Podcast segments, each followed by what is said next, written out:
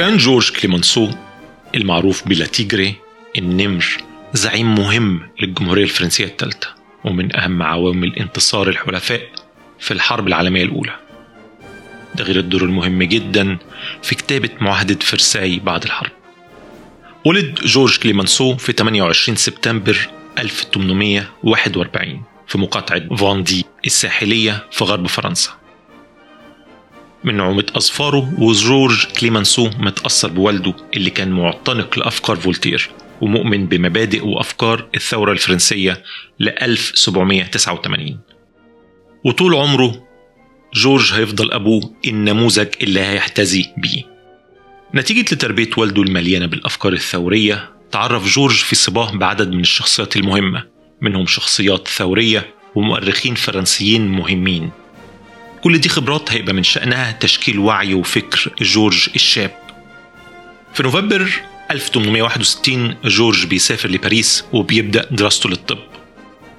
هناك في الحي اللاتيني في العاصمة الفرنسية بيلتقي بالنشطاء المؤمنين بالقيم الجمهورية. وده لأن فرنسا في الوقت ده كانت تحت الحكم الإمبراطوري لنابليون الثالث. أنشأ كليمانسو ومجموعة من أصدقائه صحيفة اسمها جريدة العمل. والأفكار اللي هيطرحوها في الجريدة دي هي اللي هتصيغ شكل أفكار كليمانسو وآرائه لبقية عمره. بعد انتهاء دراسته غادر فرنسا وراح الولايات المتحدة الأمريكية وقضى فيها أربع سنوات من 1865 ل 69 يعني يا دوبك لحق الرمق الأخير من الحرب الأهلية الأمريكية.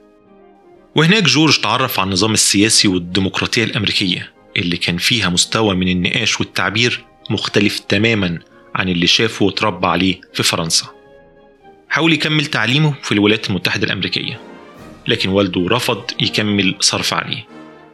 فاضطر إنه يشتغل كمدرس في مدينة ستانفورد في ولاية كناتيكت بعد كده اتجوز واحدة من طلابه ماري بلامر. وبعد خمسة أيام من جوازه عاد لفرنسا واشتغل طبيب في منطقته فاندي.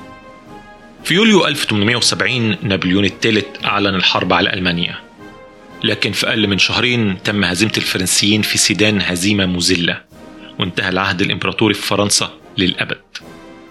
بسرعة شارك جورج كليمنسو في المناخ السياسي الجديد وتم انتخابه في الجمعية الوطنية في بوردو كمندوب جمهوري راديكالي لتمثيل دايرة السن في 8 فبراير 1871 لكنه لما راح باريس فشل في الوساطة بين كوميون باريس والجمعية الوطنية اللي كانت ساعتها مجتمعة في فرساي ونتيجة فشله ده اضطر إنه يتنحى عن منصبه كرئيس للبلدية في 27 مارس 1871 لكن مسيرة كليمنسو السياسية ما وقفتش وبعد سنوات قليلة فاز في انتخابات الدائرة 18 سنة 1876 وبسرعة صعد للصدارة بين الساسة الراديكاليين نتيجة شراسته ومهارته الخطابية المتميزة.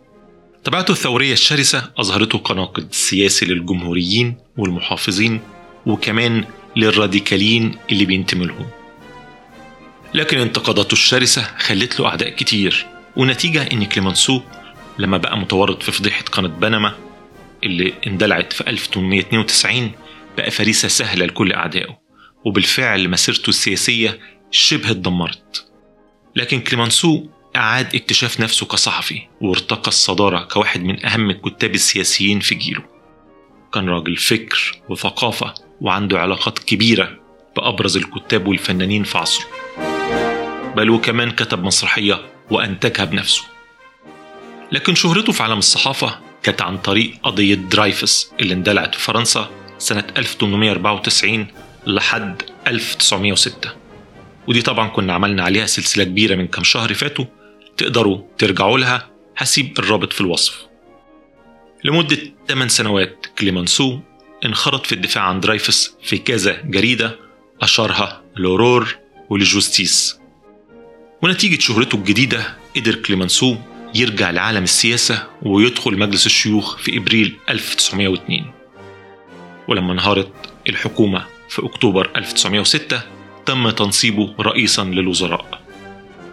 ولايته الوزارية الأولى كان فيها أحداث مهمة جدا زي التحالف المهم مع إنجلترا في 1907 والمواجهة الخطيرة مع ألمانيا بخصوص المغرب سنة 1909 لكن رغم نجاحاته وأهمية فترته دي كليمانسو استقال من منصبه في 20 يوليو 1909 بعد صدام غير متوقع مع السياسي البارز تيوفيل ديلكاسي.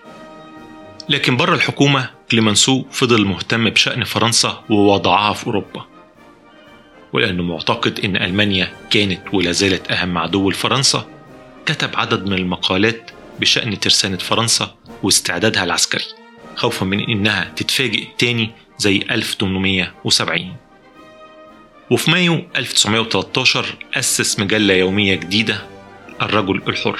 ودي من أجل الترويج لآرائه المؤيدة لإعادة تسليح فرنسا وزيادة قدراتها العسكرية. لما اندلعت الحرب في 1914 كليمانسو كان خلاص تحول لسياسي قومي من الدرجة الأولى وبدأ يحث المواطنين الفرنسيين على التطوع للجيش الفرنسي والمشاركة في الجهود الحربية. لكن مع تقدم الصراع وزيادة الخسائر البشرية بين صفوف الفرنسيين استشرت النزعات السلمية والدعوة لإنهاء الحرب أيا كانت الخسائر. لكن كليمانسو كان من بين أول المحذرين للشعب الفرنسي من التخاذل. وفي نوفمبر 1917 لجأ الرئيس الفرنسي بوانكاري لكليمانسو عشان يشكل حكومة حرب.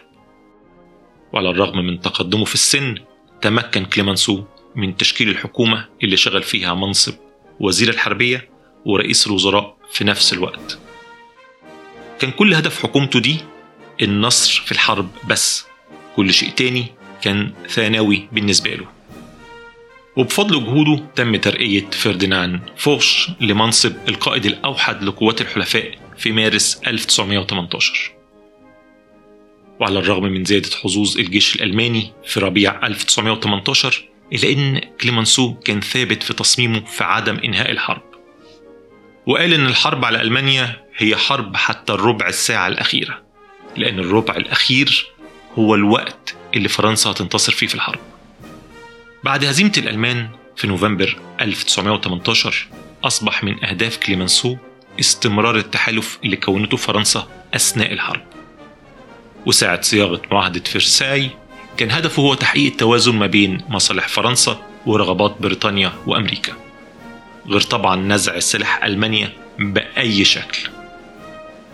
وفي قاعة المرايا بقصر فرساي اللي أعلن فيها فيلهلم الأول نفسه إمبراطور لألمانيا في 1871 أصر كليمانسو أن يتم توقيع معاهدة فرساي فيها في 28 يونيو 1919 لكن طول الوقت ده كان في استياء كبير في الجمعية الوطنية الفرنسية بعد استبعاد أعضائها من المشاركة في المفاوضات.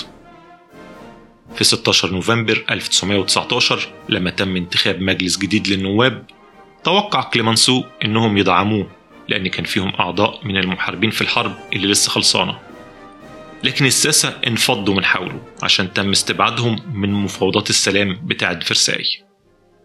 وكمان لما كليمانسو دخل انتخابات الرئاسة في 17 يناير 1920 خسرها. وبعد الخسارة السياسية المهينة دي ونتيجة تقدمه في السن قرر كليمانسو أخيرا إنه يوقف نشاطه السياسي. تفرغ لفترة تقاعد مليئة بالنشاطات الثقافية والاجتماعية. وفي 24 نوفمبر 1929 توفى جورج كليمانسو النمر العجوز عن عمر يناهز ال 88 سنة.